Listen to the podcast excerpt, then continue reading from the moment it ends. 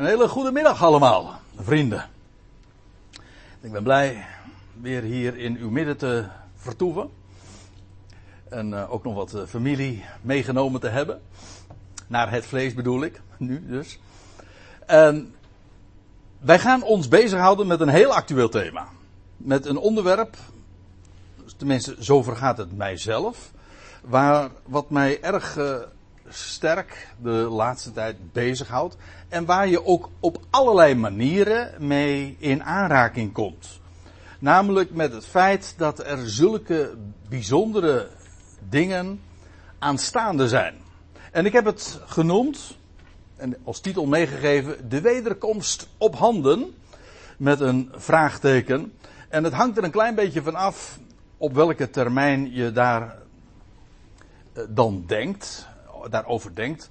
Uh, op handen, wat bedoel je daarmee? Op uh, termijnen van een aantal weken of op termijnen van een aantal jaren. In ieder geval, die vraag die zal vanmiddag uh, duidelijk ook klinken en we gaan daarop in. Maar ik moet u erbij zeggen, ook op allerlei andere wijzen kom je ermee in aanraking, namelijk met de vraag in wat voor tijdsgericht we momenteel ons bevinden. Er bestaat namelijk, en zo noem ik het maar eventjes, een seculier, een werelds eindtijddenken. Dat wil zeggen, waarbij men ook in de wereld, niet eens de religieuze wereld, daarover straks meer, maar gewoon in de wereld in het algemeen, daar een idee leeft, een besef heerst, dat er belangrijke dingen, een hele transitie van tijdperken, of zelfs het einde van de wereld, dat hangt er vanaf, uh, aanstaande is. Nou, laat ik u eens een voorbeeld geven. Uh, ik hoef alleen maar de term de New Age te gebruiken. En we weten allemaal dat dat gekoppeld is aan, ja, aan het nieuwe millennium. Het is een beetje omstreden op welke tijd het precies slaat. Maar in ieder geval, de, de term New Age uh, is eigenlijk aan de astrologie ontleend. Of zo u wilt aan de astronomie, maar astronomen zijn er niet zo blij mee als ik dat dan zo formuleer. Uh, in elk geval met sterrenbeelden. En u ziet dat hier ook op zo'n plaatje van de vissen. Dit, dit zijn de Latijnse termen dan. Van vissen naar waterman. Aquarius. De New Age duidt dan op het tijdperk van Aquarius. We hebben 2000 jaar dat is een beetje een, eh, een lastig verhaal om dat zo eventjes duidelijk te maken. Maar het komt erop neer dat de zon dan opkomt uh, uh, bij het lentepunt in, uh, in een bepaald sterrenbeeld dan opkomt. En zo'n zo'n tijdperk, zo'n astrologisch tijdperk duurt zo'n ruim 2000 jaar. En 2000 jaar lang heeft, hebben we, heeft de, de wereld geleefd in het tijdperk van de vissen een heel opmerkelijk gegeven als u het mij vraagt, omdat vissen ook altijd het embleem is geweest van het christendom. Maar dan gaan we nu naar een heel ander tijdperk. En sommigen zeggen die hebben dat gepoint gemarkeerd op 2012, anderen zeggen iets vroeger, anderen zeggen weer iets later, maar het is niet precies aan te geven. Maar in ieder geval, daar komt het tijdperk van Aquarius. En dat is een, een epische verandering, een, een, een complete shift. En dit is de titel, geloof ik, van een boek. Maar misschien zegt u dit plaatje wat. Je had in de jaren zestig. Nou ja, ik was er wel, maar ik was nog een kind. Uh, toen had je een, musical. Een aantal van u kennen dat waarschijnlijk nog wel uit herinnering. Uh, de musical Hair. En daar had je zo'n lied ook over The Age of Aquarius. Ik heb nog eventjes op punt gestaan om u eventjes dat uh, nummertje te laten horen en ook de tekst daarvan te laten zien, maar de tijd ontbrak me om dat nog eventjes te realiseren.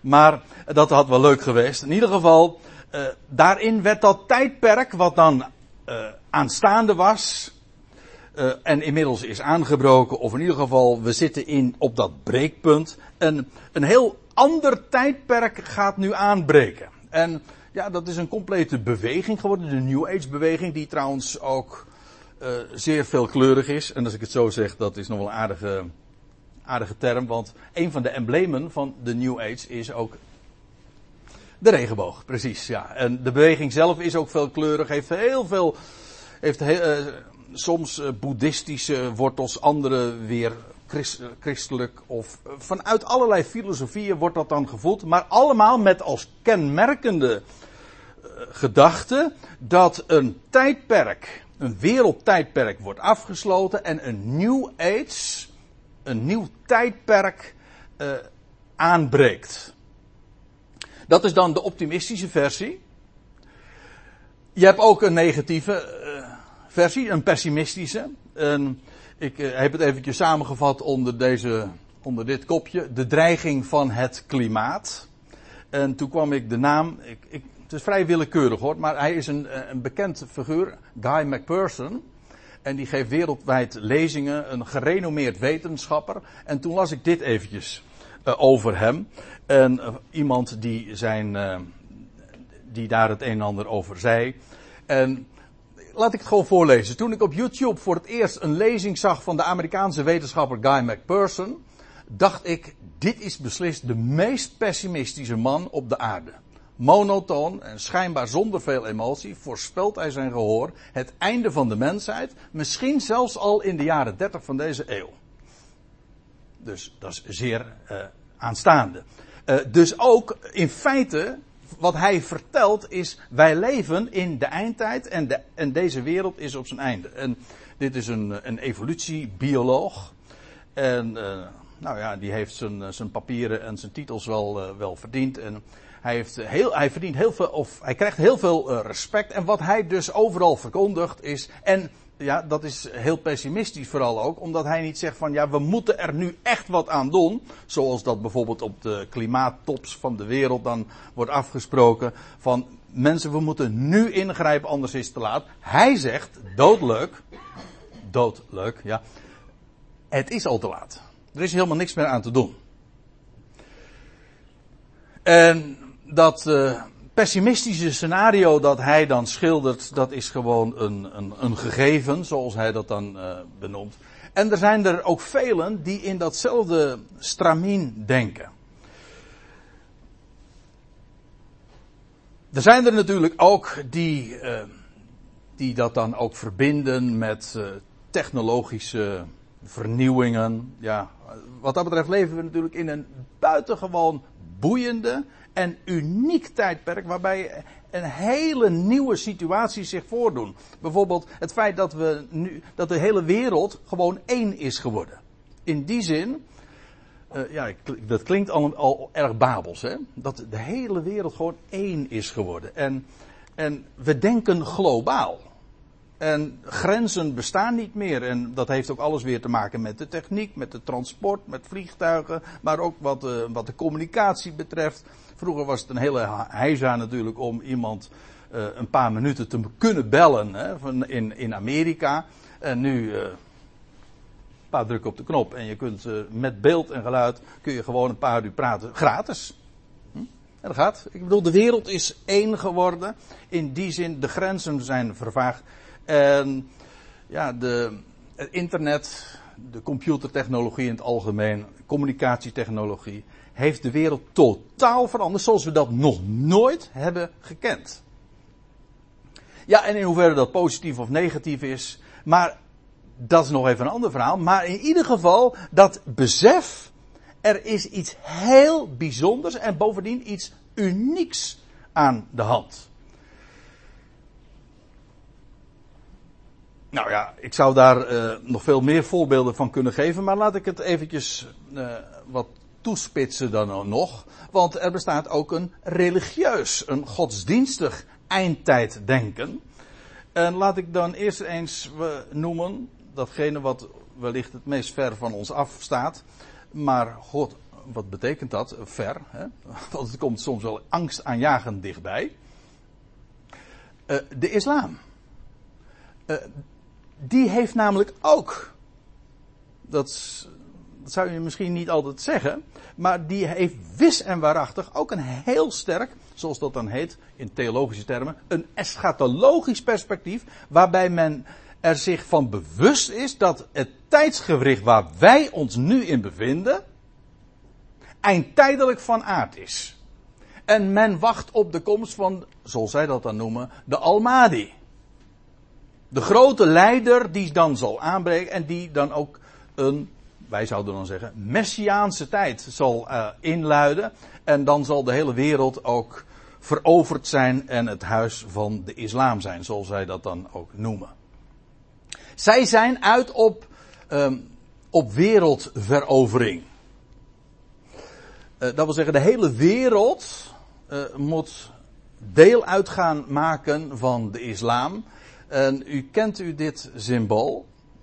Dit is, dit, u zegt, dit is, ja, dat is een ruiter op een wit paard.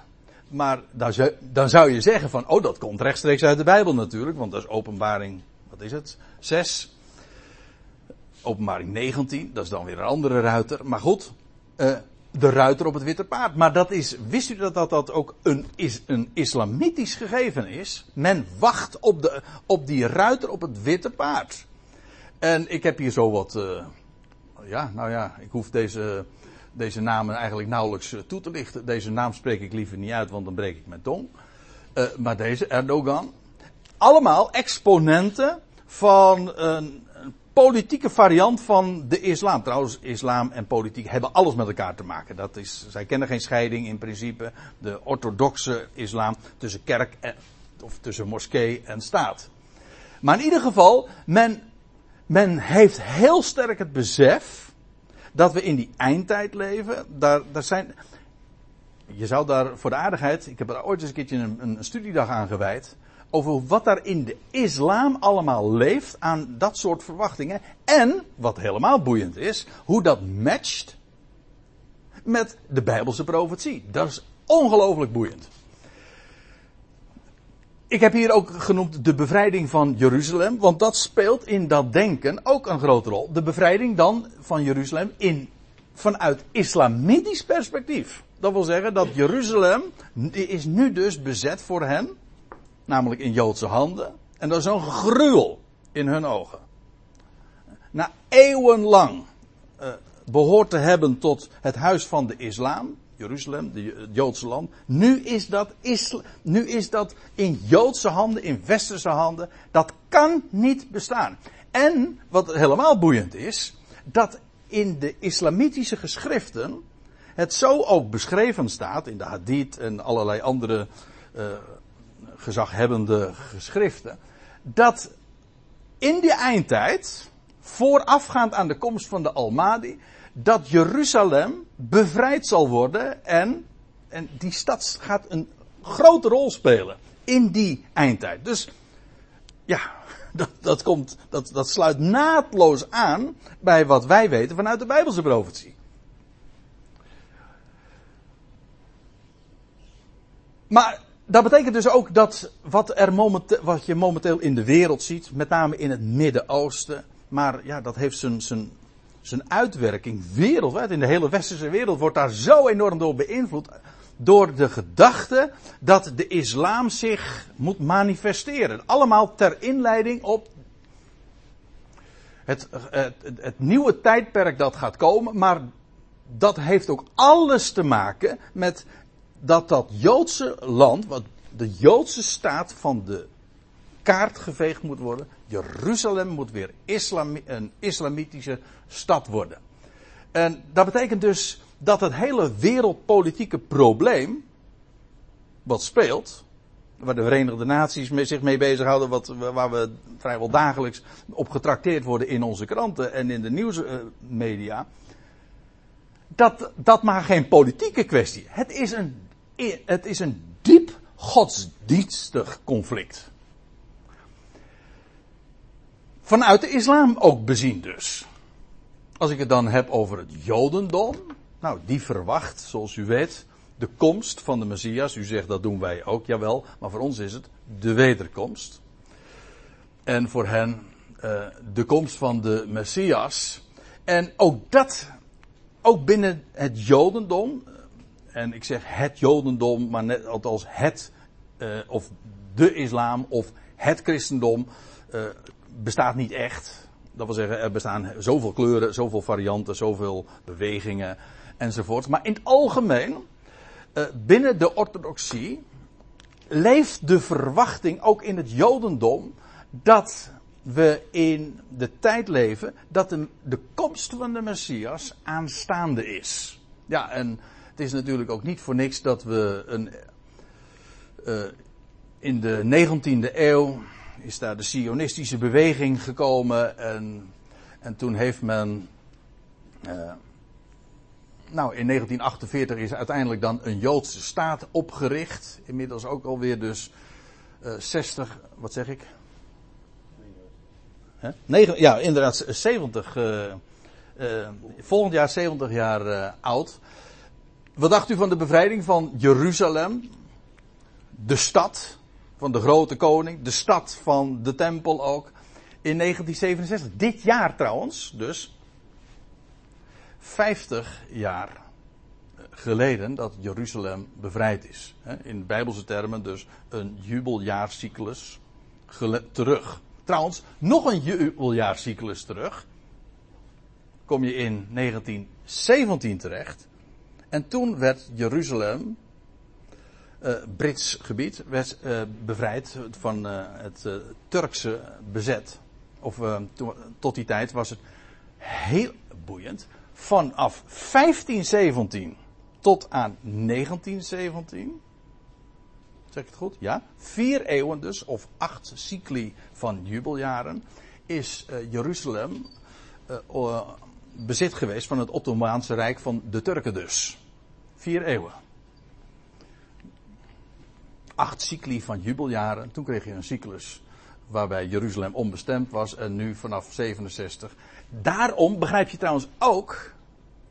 Er is nog veel meer over te vertellen, want er doen soms ook wel rare Indianenverhalen over de ronde. Eh, dat nu, in 2017, nu er weer opnieuw sinds 67 een sabbatsjaarcyclus voorbij is, dat daar nu van dit jaar weer iets bijzonders moet gaan gebeuren.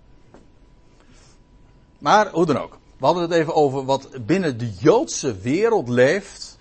Uh, als het gaat om de verwachting van de komst van de Messias. Ja, en waar het nu eigenlijk op wachten is. Ook het Jodendom staat te trappelen. Om de tempel te herbouwen. Nu is Jeruzalem Joods bezit. Dus wat weerhoudt hen ervan om weer om, nou ja, u begrijpt, dit is een compositiefoto. Hè? Maar om waar nu die, uh, dat islamitisch heiligdom staat, om daar weer een Joodse tempel neer te zetten. Nou, daarover is het laatste woord nog niet gezegd. En of die hier komt te staan of hier, als u begrijpt wat ik bedoel, dat is een verhaal apart. Daar moeten we nog maar eens een keertje een andere studiebijeenkomst aan wijden. Maar, één ding is zeker, de Joden, die staan echt te trappelen om, de, om weer een tempel te gaan herbouwen.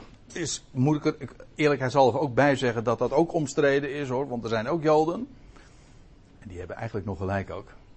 Die zeggen van nee, wij moeten wachten tot de komst van de Messias. En die, die erkennen trouwens niet eens de Joodse staat. Ja, dus het is een buitengewoon complex en veelzijdige kwestie. Maar er zijn allerlei instituten die zich er al zo grondig op hebben voorbereid, zodat eigenlijk er eigenlijk alleen nog maar een politieke kwestie is van, ja, krijgen ze, uh, om dit voor elkaar te krijgen. En u begrijpt, uh, dat, uh, stel je voor dat de Joden inderdaad de offerdienst zouden herstellen daar in Jeruzalem. En dan heb ik het nog niet eens over de precieze locatie. Nou, dat is, ja, ja, dat is de vervulling natuurlijk van, van de, de, Joodse droom. Dat is aan de ene kant. Maar het zou zo'n doorn in het oog zijn. Van de moslimwereld. Want, ja, dat laat zich wel raden. We hadden vroeger een boekje in de, in de kast. Uh, met uh, als titel Het Midden-Oosten. Een kruidvat. Nou, dat kun je wel zeggen. Een kruidvat. Want het is zo explosief. Vanuit ieder oogpunt. Dat wil zeggen, vanuit politiek oogpunt, vanuit godsdienstig oogpunt. En dan ook weer vanuit joods oogpunt of vanuit islamitisch oogpunt. En dan heb ik het, hou ik het Westen er nog maar even buiten.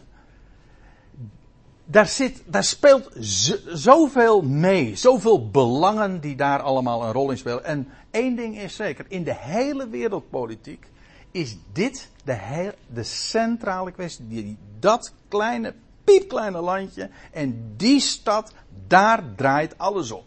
En ook bijvoorbeeld het hele, de, de explosie van geweld van de islam heeft alles te maken ook met de ergernis, de irritatie van de islam over het feit dat daar weer eigenlijk ook mee met, met gebackup door het Westen eh, weer er, er zoiets bestaat als een Joodse staat. Dat kan men niet verdragen. Dus ja, dat, uh, dat is een, een, een, een kwestie, ja, die kan maar, zoals iemand uh, laatst ook zei, die kan maar door één iemand echt opgelost worden. En dan is de vraag, op welk paard wedden we? Ja, en dan.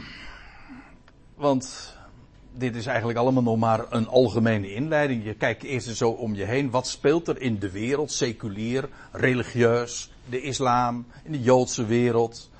Uh, maar hoe verhouden deze dingen zich met de Bijbelse profetie?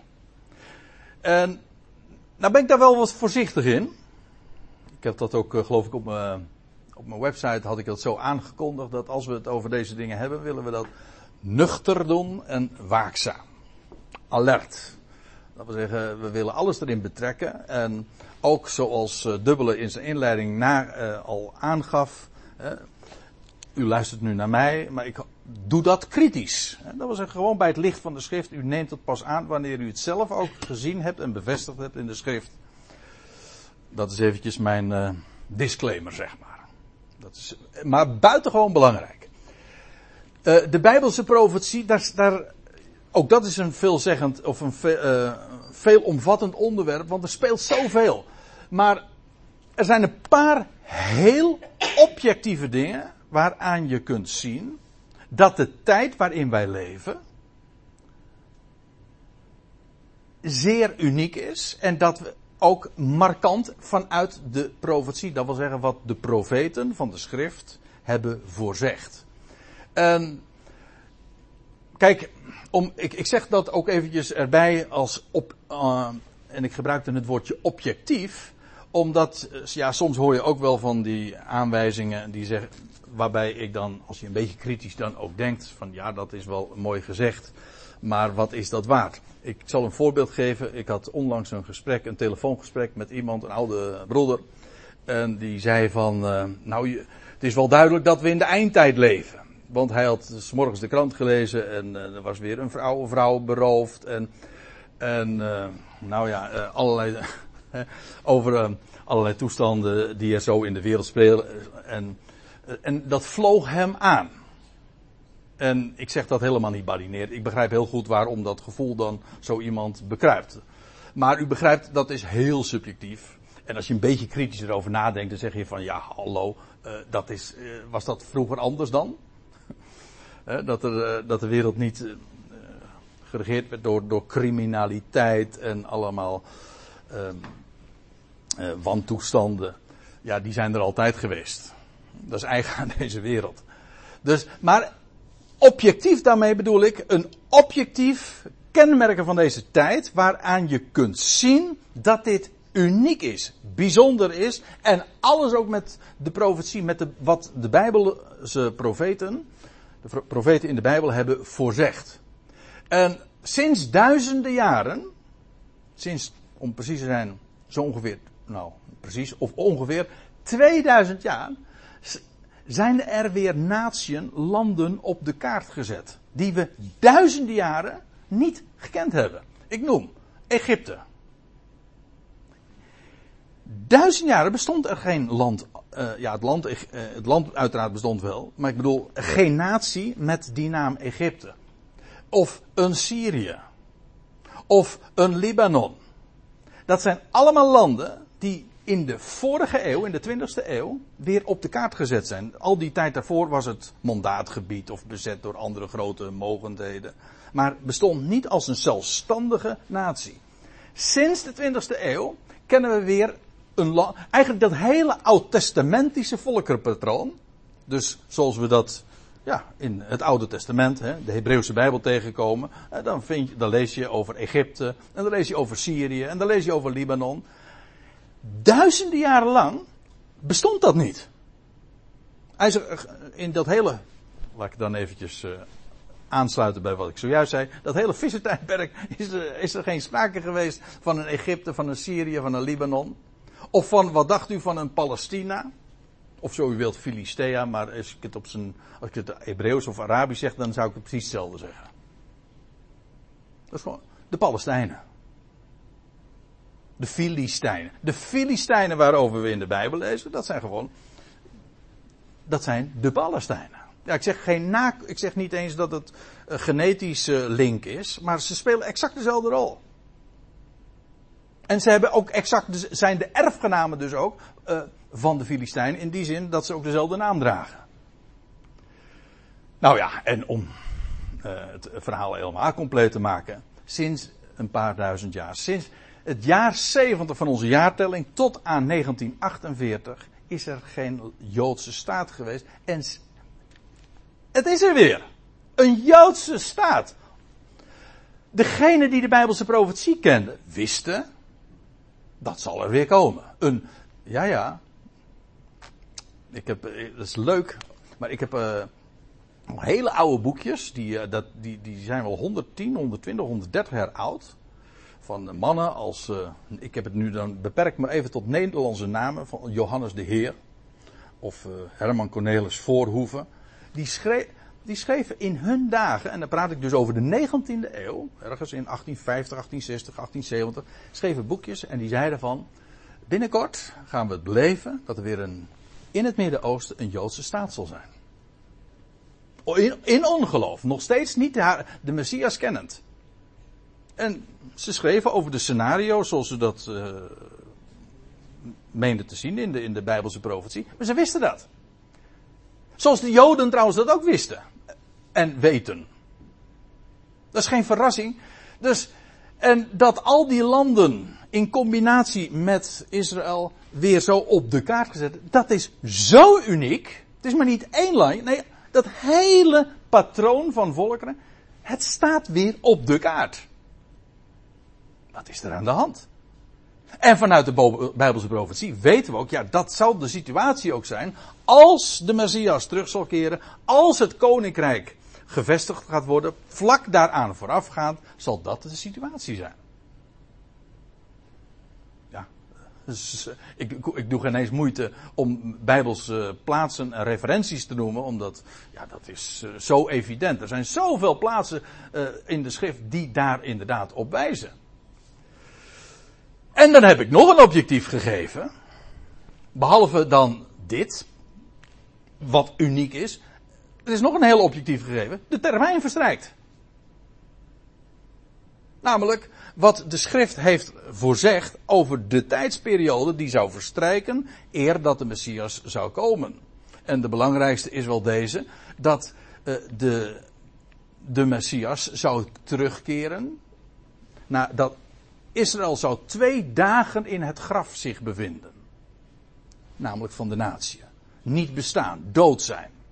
Maar op de derde dag, na twee dagen, zou God het volk doen herreizen. Deze in Hosea en, en in type vinden we die twee dagen zoveel keren terug. Het speelt altijd weer een grote rol.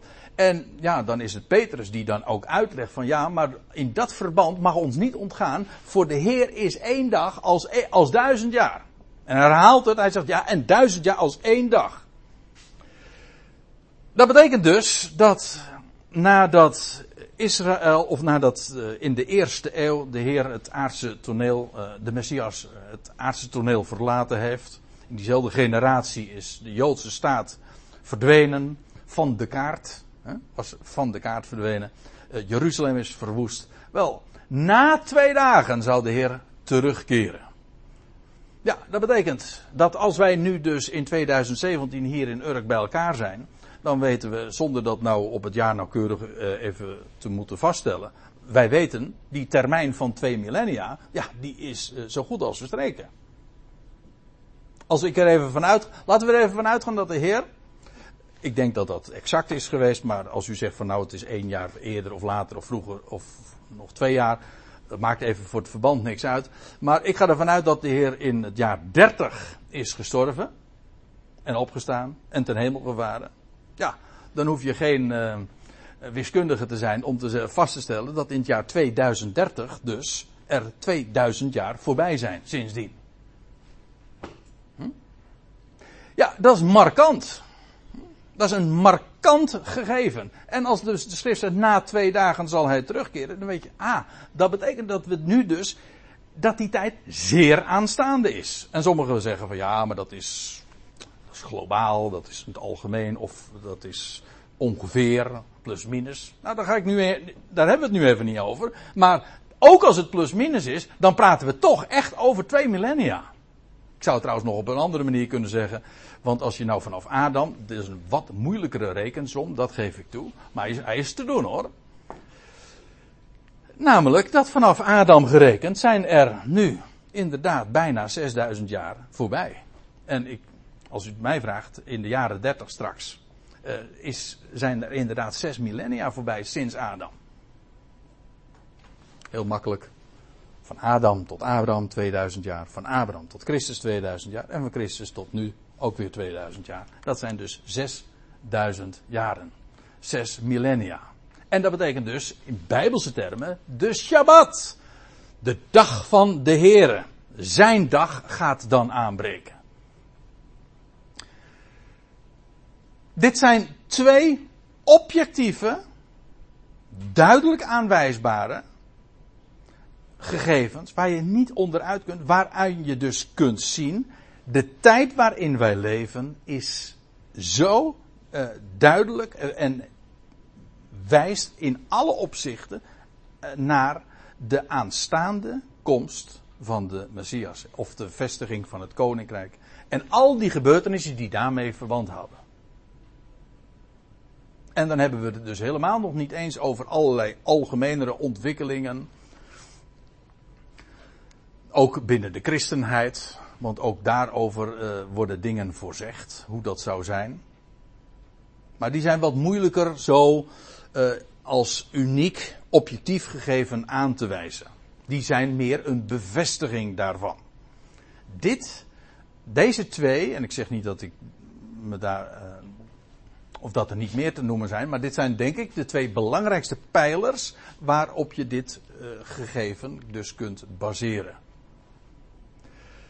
de Bijbelse profetie. Dus als ik nou eventjes uh, nog even terug ga naar die uh, de eerste titel, of naar de, eerste dia over. wat was er ook weer? De, hoe, hoe, had ik het ook weer genoemd? De naderende. Hè? Nee, nee, nee, gewoon de titel. De eindtijd nabij. wederkom. Hè?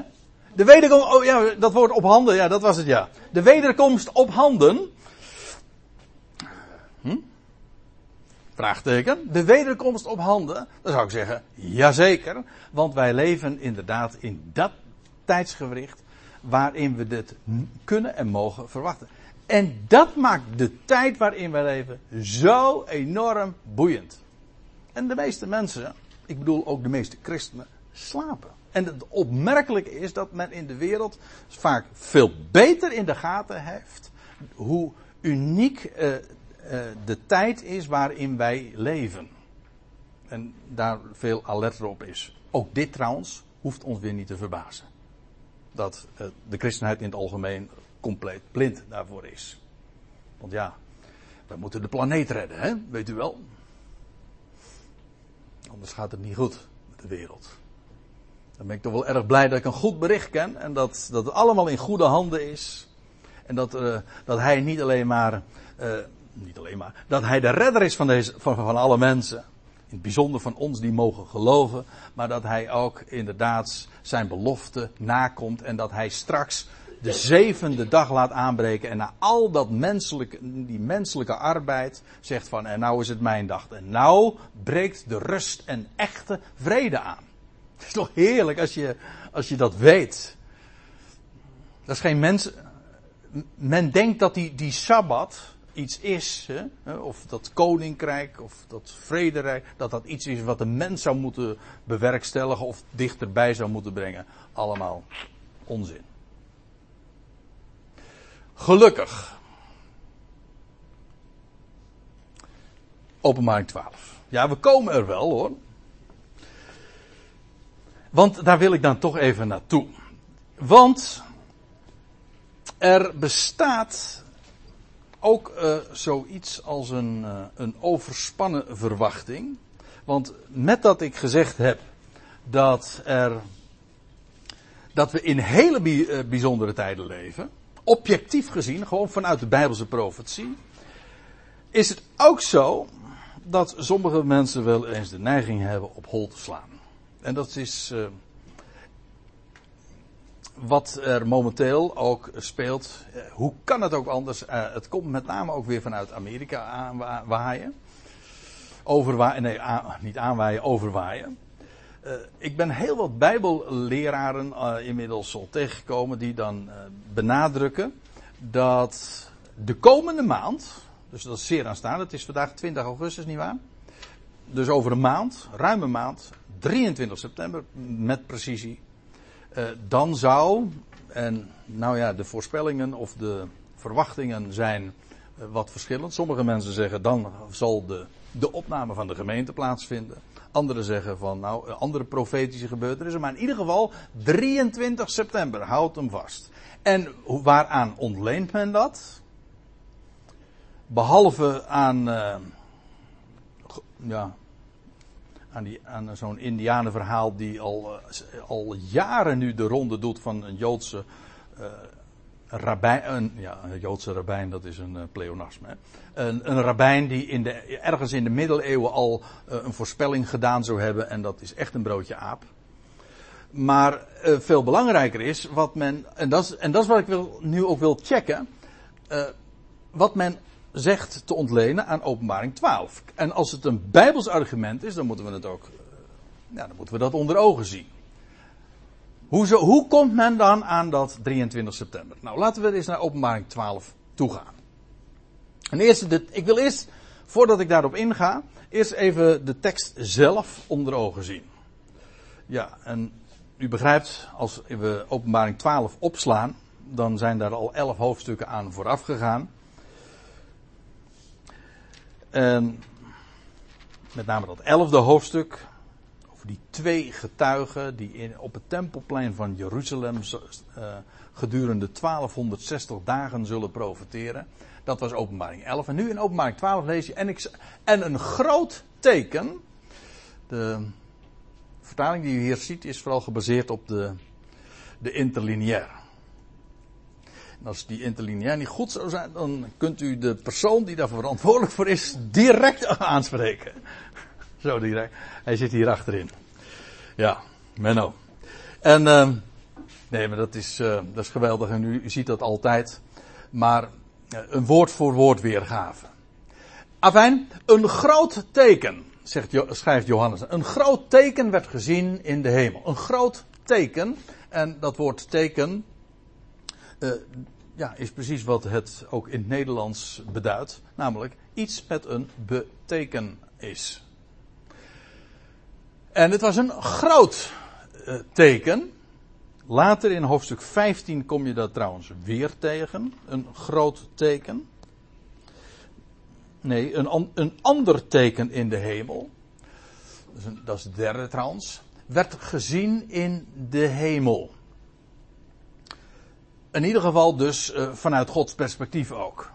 Ik zal u vertellen, maar nou loop ik een beetje vooruit op wat ik straks nog wil laten zien. Uh, wat het voorstelt, de betekenis dus, dat vindt gewoon op aarde plaats.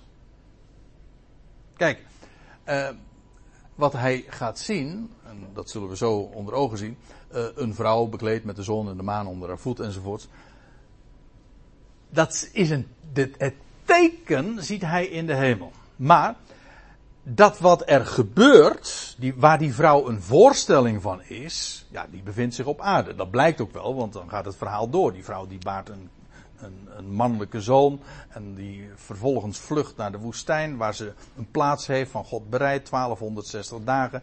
En dan lees je. Het hele hoofdstuk 12 gaat daar feitelijk ook over.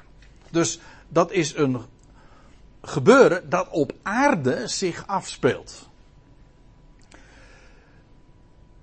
Maar hij ziet het teken in de hemel. En dan zegt hij een vrouw. Het is dus een groot teken werd gezien in de hemel. Je zou hier dus ook een dubbele punt kunnen zetten. Een vrouw. Bekleed met de zon en de maan onder haar voeten. Eerst even een vrouw. Ja, wie is die vrouw? Dat is natuurlijk de hamvraag. Of wat beduidt ze? U zegt het is een teken. Oké, maar waar is er dan een teken van? Waar slaat dat op? Ja, nou ja, dan uh, zijn er verschillende smaken. De rooms-katholieke uitleg is, die uh, vele eeuwen lang gedomineerd heeft, voor zover de Bijbel, of ja, voor zover de Bijbel een rol speelde trouwens in, in het rooms-katholicisme, dat is niet zo heel erg groot. Maar goed, uh, ja, als de rooms-katholieken denken aan een vrouw en bovendien een hemelsteken, een vrouw met, met kosmische proporties, zeg maar ja, dan denkt men aan, eh, aan Maria. Wat trouwens helemaal niet zo'n gekke uitleg is hoor. Voordat, ik het, uh, voordat u nou denkt dat ik het belachelijk zit te maken. Want wat je namelijk leest, is dat die vrouw. die baart een mannelijke zoon. die alle heidenen, of die de natieën, zou hoeden met een ijzeren staf. En dat is onmiskenbaar de messias. Nou, als die mannelijke zoon dan de messias is, wie is dan die vrouw? Dat is gewoon. de moeder van de messias en dan kom je toch uit, zou je zeggen, bij Maria. Alleen is er dan geen teken meer, maar dan is, is letterlijk een vrouw dus. Dat ik er toch wat, uh, ja, lichtzinnig over praat, is omdat voor de rest het hele verhaal niet meer klopt. Alles wat over die vrouw namelijk gezegd wordt, dat ze na de bevalling meteen vlucht en dat ze 1260 dagen dan bewaard wordt. Dat is allemaal niet van toepassing op Maria. Dus, uh, dus moeten we die uitleg alsnog weer fout rekenen. Een andere uitleg, en ik noem hem maar eventjes traditioneel protestants, die zegt, nou, die vrouw, oh, dat is duidelijk. De vrouw, dat is toch uh, gewoon, dat is de bruid. Dat is gewoon dus de kerk. Hm? Wat volgens mij in één zin twee fouten zijn. Want, want eigenlijk, als je, het, uh, als je mij vraagt, is die Rooms-Katholieke uitleg dan nog logischer. Want die vrouw is in deze beschrijving degene die de Messias voortbrengt. Nou, in hoeverre is dat uh, van toepassing op de kerk? Dat, uh, hm? dat is toch een raar verhaal. De Messias komt voort uit, uit Maria. Dat kun je zeggen de Messias, of, maar je kunt niet zeggen dat uh, de kerk uh, de, de Messias voortgebracht heeft. Hoe, hoe stel je dat dan voor?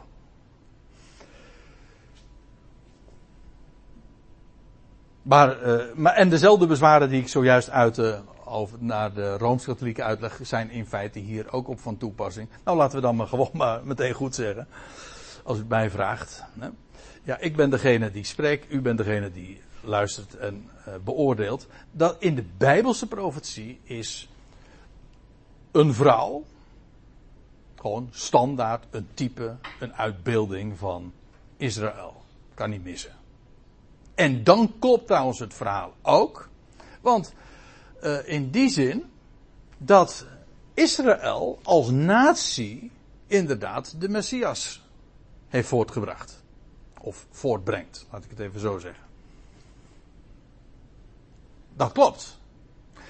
Wat die vrouw, die vrouw uh, kan nooit Maria zijn. Zoals ik zojuist al aangaf. Die is, uh, Maria is niet gevlucht. Maria is niet 1260 dagen in de woestijn bewaard. Dat is allemaal niet van toepassing. Op Israël is dat wel van toepassing. Het is het volk dat de Messias voortbrengt. Nou, laat ik, laten we het daar even bij houden. Dan staat er nog bij, en dat bevestigt deze uitleg. De vrouw is een uitbeelding van het volk dat de Messias voortbrengt. Blijkt vervolgens, ze is bekleed met de zon en de maan onder haar voeten en op haar hoofd een lauwerkrans van twaalf sterren. Nou, waar doet eh, dat getal 12 je dan aan denken? Anders dan inderdaad aan het volk van Jacob. Het huis van Jacob. De twaalf stammen. En daar heb ik trouwens nog een hele mooie. En dan, dat is een heel oud bewijs hoor. Dat bewijs is al bijna 4000 jaar oud. Gaan we even naar Genesis 37. Dat is die geschiedenis van Jozef. Die dan in zijn familie vertelt over zijn droom. En nou, dan lees je Genesis 37. En hij had al een keer eerder gedroomd. En nu kwam hij weer daarmee op de proppen. Uh, hij had nog een andere droom. Jozef dus. Die hij aan zijn broeders verhaalde. Hij zei. Nu heb ik weer een droom gehad. Zie, de zon, de maan en elf sterren. Als hij zichzelf meegerekend had, was altijd, waren het twaalf sterren geweest. Bogen zich voor mij neer. En toen hij dit aan zijn vader en zijn broeders verhaalde, onderhield zijn vader hem daarover en zei tot hem: Wat voor een droom is dat dat je gehad hebt? Zullen soms ik, uw moeder en uw broeders komen om ons voor u ter aarde neer te buigen? Gaat me even om, dit, om die uitleg die Jacob gaf. Jacob had geen enkele moeite met de, met de uitleg van die zon, maan en die sterren. Die wist meteen van, oh dat slaat natuurlijk op onze familie. Op, gewoon op het huis van Jacob. Zon, maan, twaalf sterren. Het is in het algemeen zo dat als je de Bijbelse profetie, en zeker het boek Openbaring, als je het, het laatste Bijbelboek, nietwaar, in, in onze Bijbel ook, dat het is gebaseerd op ja, op al het voorafgaande. Het is een sluitstuk van de profetie. Je wordt eigenlijk ook geacht dat als je het boek Openbaring kent, dat je al het voorafgaande ook kent en daarvan op de hoogte gesteld hebt. En dan is het open, boek Openbaring al een sluitstuk, als, als, als de hoeksteen zeg maar op zo'n piramide. Weet je wel, dat, dat, dan maakt het af. En alle lijnen komen daar, om even in het beeldspraak van die piramide te blijven, alle lijnen komen daar samen uiteindelijk. Maar in ieder geval, die zon, die maan en die sterren, ja, dat verwijst naar, de, naar het huis van Jacob. En dan hebben we opnieuw weer een bevestiging dat inderdaad die vrouw een uitbeelding is van Israël. Maar goed, nou komen we toch nog op iets anders. Er is namelijk een alternatieve uitleg. En die is heel actueel. En die zegt dit. En dat is helemaal geen gekke gedachte. Op zich Zoals die, die uitleg over dat die vrouw een uitbeelding van, van Maria is. Ook op het eerste gezicht helemaal geen gekke gedachte is. Men zegt dit.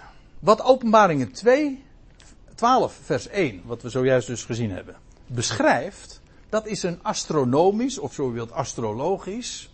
Maar ik weet dat uh, christenen daar astrologie een allergie voor hebben. Dus we noemen het gewoon maar astronomisch.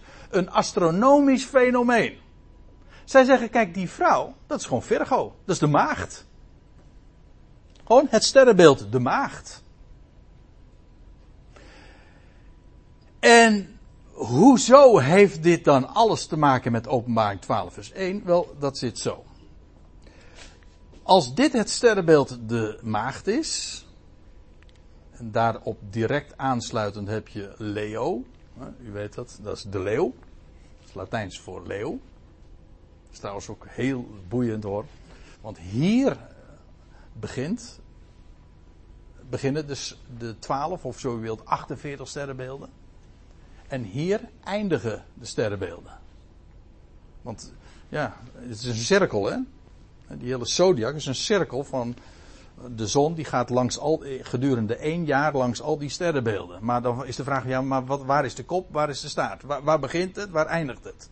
En dan begint het inderdaad bij de maagd, het eindigt bij de leeuw. Vanuit de Bijbelse symboliek weet je dat meteen.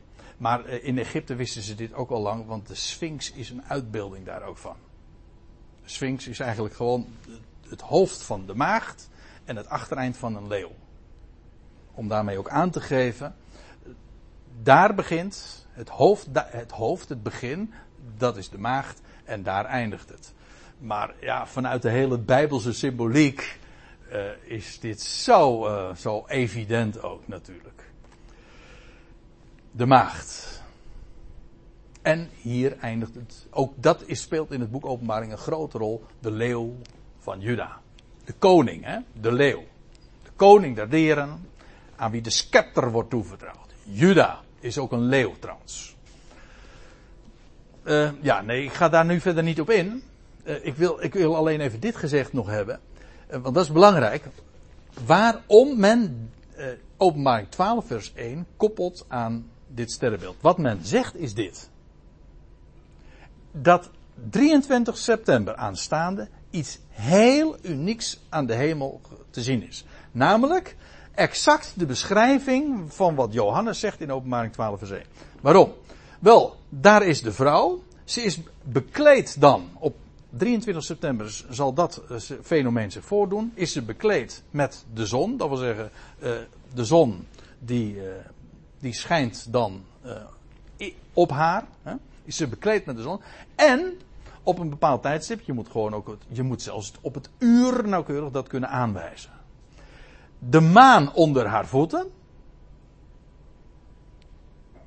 En bovendien, uh, ze is gekroond, zegt men dan, met twaalf sterren. Want hoezo twaalf sterren? Nou, je hebt uh, op haar hoofd, boven haar hoofd heb je het sterrenbeeld Leo.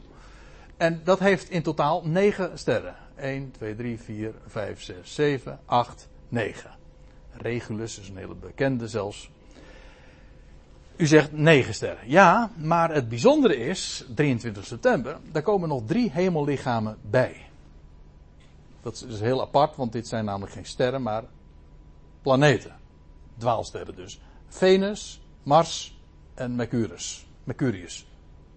Die drie hemellichamen komen er dan nog bij. Dus behalve de negen sterren van het sterrenbeeld Leo, heb je ook nog eens de drie hemellichamen die er toevallig ook staan. Namelijk de drie planeten uh, Mercurius, Mars en Venus. Overigens, Jupiter speelt hier ook nog een rol in, maar laten we het uh, niet ingewikkelder maken dan het is. Het gaat er eventjes om, wat men dus zegt is dit. Uh, en er, tik het maar eens in om, om te zien hoe dat dan leeft. Hè. kent u deze man? Nou ja, uh, is een bekende Amerikaanse bijbelleraar. Maar je hebt Scott, is Scott Clark, ik geloof ik, als ik zijn naam goed uitspreek. Die is hier ook heel erg mee bezig. En die, er staan talloze YouTube-filmpjes die naar voren brengen dat op 23 september 2017, dit is even een screenshot van een YouTube-filmpje. Uh, die naar voren brengen, een hele tijdlijn, u ziet het. Die zeggen dat op 23 september 2017 de rapture plaatsvindt. Omdat dat precies dit sterrenbeeld is. Hè? De vrouw, gekleed met de zon en de twaalf sterren op haar hoofd. Dus, openbaring 12 vers 1 verwijst naar een heel, naar een teken in de hemel, namelijk naar een sterrenbeeld. En die situatie doet zich nooit voor, behalve, men zegt zelfs, had ik u ook nog een mooi plaatje kunnen laten zien, de afgelopen 7000 jaar heeft dat nooit plaatsgevonden. Dat wat er 23 september te zien is. Nou, dat is wel een uniek ding, nietwaar? dus, dat is een zinnig verhaal. En dus zegt men van openbaring 12 vers 1. Dat wordt op die datum vervuld. Waarna vervolgens natuurlijk nog een andere vraag zich aandient. En dat is, uh, wat gaat er dan plaatsvinden? En het meest voor de hand liggend is precies wat er dan gaat volgen. Namelijk de geboorte van die mannelijke zoon. Daarover straks meer. Maar, goh. Het, het uur gaat wel weer erg hard vandaag. Uh, ja, nou, ik denk dat we het maar trouwens over een maand, mag ik hier weer zijn, dat zal ongeveer 21 september zijn. Ja, dat is heel actueel, dus we gaan gewoon verder dan. Ja, want ik, dit, dit, dit, wordt het echt niet. Dit, ik heb nog een heleboel dia's. Mijn inleiding heb ik hem misschien een beetje te lang gemaakt. Maar het gaat erom. De, die unieke constellatie van hemellichamen doet zich op die datum voor. En ja, eh, dat betekent dat we eh, dat het heel bijzonder is wat er dan zou moeten gaan gebeuren. Maar is dat wel zo? Dat is een de volgende vraag, want we moeten wel kritisch blijven. Want punt is namelijk deze. En ik, heb, uh, ik ben hier erg inge, uh, diep ingedoken. En ik heb heel veel mailtjes ook over deze kwestie gekregen. Ik had er namelijk vijf maanden geleden al een keertje een blog aan gewijd. Eigenlijk met als, als hoofdargument waarom dit niet kan. Uh, dat wat ik nu ga, vertellen.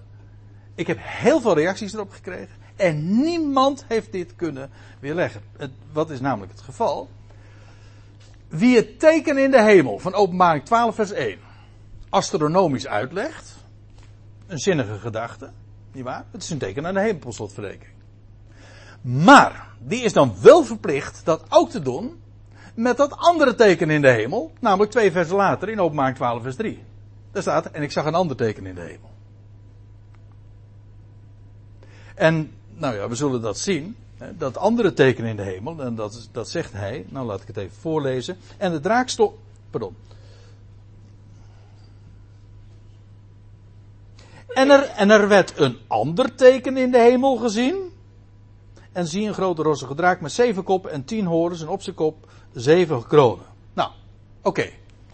Het eerste teken is een sterrenbeeld. Precies aan te wijzen. Ook gewoon, je kunt precies zien van kijk, dat is de maan onder de voeten. De zon bekleed met de zon. Een kroon van twaalf sterren. Prima. Maar, dan moet je ook dat andere teken aan de hemel ook kunnen aanwijzen. En in de sterrenbeelden kunnen laten zien. En zeggen, eh, kijk, dat zijn, dat is die draak. Dat is trouwens geen punt hoor. Want de, de draak en de slang, op meerdere manieren zie je die aan de sterrenhemel. Maar dan ook zeven koppen en ook die tien horens. En als het even kan, ook dan nog die tien diademen. En ik heb heel veel mailtjes gekregen van mensen. Ja, dit teken staat er wel. En dan beginnen ze over Planet X, hè, Planeet X, of over Nibiru. Uh, dat is allemaal heel leuk gevonden. Dus A, nou leuk gevonden, maar meer ook niet, want het is dikke duim. Heel veel. Maar uh, los daarvan, verklaar eens, hoe kan één planeet nou een vervulling zijn van dat andere teken? Van, van zeven koppen en dan tien horens. Waar zie je dat dan in? En niemand die dat kan aanwijzen. Dan lopen ze dus gewoon aan voorbij. En ik vind dat heel kwalijk. Kijk, je kunt natuurlijk wel één vers er zo uitplukken. En dan zo vervullen. Eh, en zo dan uh, de vervulling daarvan zien. Tot je dienst. Maar dan moet je wel consequent zijn en dan moet je de hele context erbij betrekken. En dat gebeurt niet. Men gaat daar stelselmatig aan voorbij. En dus, ja, wat er ook op 23 september straks gaat gebeuren. Want het is trouwens om nog een reden een markante datum. De dag aan voorafgaand is het namelijk. Nee, niet Yom Kippur. Uh, Rosh Hashanah. Yom Kippur is nog weer negen dagen later. Dat is op de tiende van de zevende maand. Maar uh, Rosh Hashanah, dat wil zeggen, dat, dat is het hoofd van het jaar. Dat is wat Rosh Hashanah betekent. Het begin van het jaar. Oftewel, nieuw, Joods nieuwjaarsdag. Oftewel, de dag, zoals die bijbels gezien genoemd wordt. De dag van het bazuingeschal. En als je zegt van ja, maar de bazuin zal klinken op de dag van de bazuin, dan zeg ik nou dat lijkt me nogal voor de hand liggend. Maar om dat te koppelen aan openbaring 12 vers 1 is niet gegrond. Dat kan, nou, ja, dat kan ik niet goed rekenen. Dat klinkt een beetje schoolmeesterachtig alsof ik daarover ga. Maar ja, dat is gewoon niet redelijk als u het mij vraagt. En nogmaals, u, bent degene die, die dat moet checken. En ik, het is wel ernstig, omdat velen toch wel, hoewel ik heb de indruk dat, ja, Amerikanen, ik heb zoveel waardering voor deze mensen, die, eh, die kunnen altijd out of the box denken en die zijn uh, er in voor nieuwe dingen, nieuwe gedachtegangen, prachtig. Vooral zo houden, heel innovatief, maar het kritisch vermogen is niet altijd even groot. En ja, die, uh, daarom denk ik trouwens ook dat het hier in Nederland wat minder gehoord wordt. Maar ik ken mensen die hier echt helemaal op afgaan. En die zeggen 23 september gaat het gebeuren. En nou ken ik dat fenomeen wel. Persoonlijk ook uit eigen ervaring van eerdere verwachtingen die men daarover gedaan heeft. En als dat niet gebaseerd is op de schrift, gewoon keiharde gegevens, ja, dan loopt het uit op een deceptie. Dat is nogal logisch. Dan, dan ga je een date zetten en dan zeg je of een datum prikken en dan zeg je dan moet het gaan gebeuren. Ja, en dan ben je weliswaar heel hoog gespannen en dan kijk je uit naar die bewuste dag. Maar hoe meer je daarnaar uitkijkt, hoe groter de teleurstelling nadien is als blijkt dat het toch inderdaad niet uitkomt. En daarom denk ik dat het juist nu ook verteld deze dingen eh, aan de orde moeten komen. Van, en tuurlijk, als hij zegt van, maar, want dat kreeg ik dan ook te horen. Het is zelfs op internet tegen mij gezegd, omdat ik dat artikel had geschreven. Die had gezegd van ja, hij, die man, die schrijver, dat was ik dus. Uh, die schrijft dat omdat het hem niet uit. Hij kijkt zelf niet naar de wederkomst uit. Kijk, dat is op de man spelen. Dat is A. Dan doe je een uitspraak over. Ik zou zeggen, hoe eerder, hoe beter, toch? Als, als we hem tegemoet gaan en als die dag aanbreekt. Dat is, dat, is, dat is toch geweldig? Maar daarmee heb je natuurlijk deze kwestie niet beoordeeld. Wees wel waakzaam ook. Waakzaam betekent niet alleen maar van alert van wanneer het kan gebeuren, maar betekent ook dat je, dat je nuchter bent. En niet zomaar uh, een conclusie trekt uh, en, uh, en een redenering gaat volgen terwijl je dat niet hard kan maken. Terwijl het niet gewoon duidelijk is. Dan ben je eigenlijk gewoon onder invloed. Ja, toch? Dan ben je niet werkelijk bij zinnen, want dan ben je niet in staat om het kritisch te bezien. En dat het een aantrekkelijke gedachte is dat dat 23 september straks gaat plaatsvinden. Ja, dat begrijp ik. Dat is. Uh...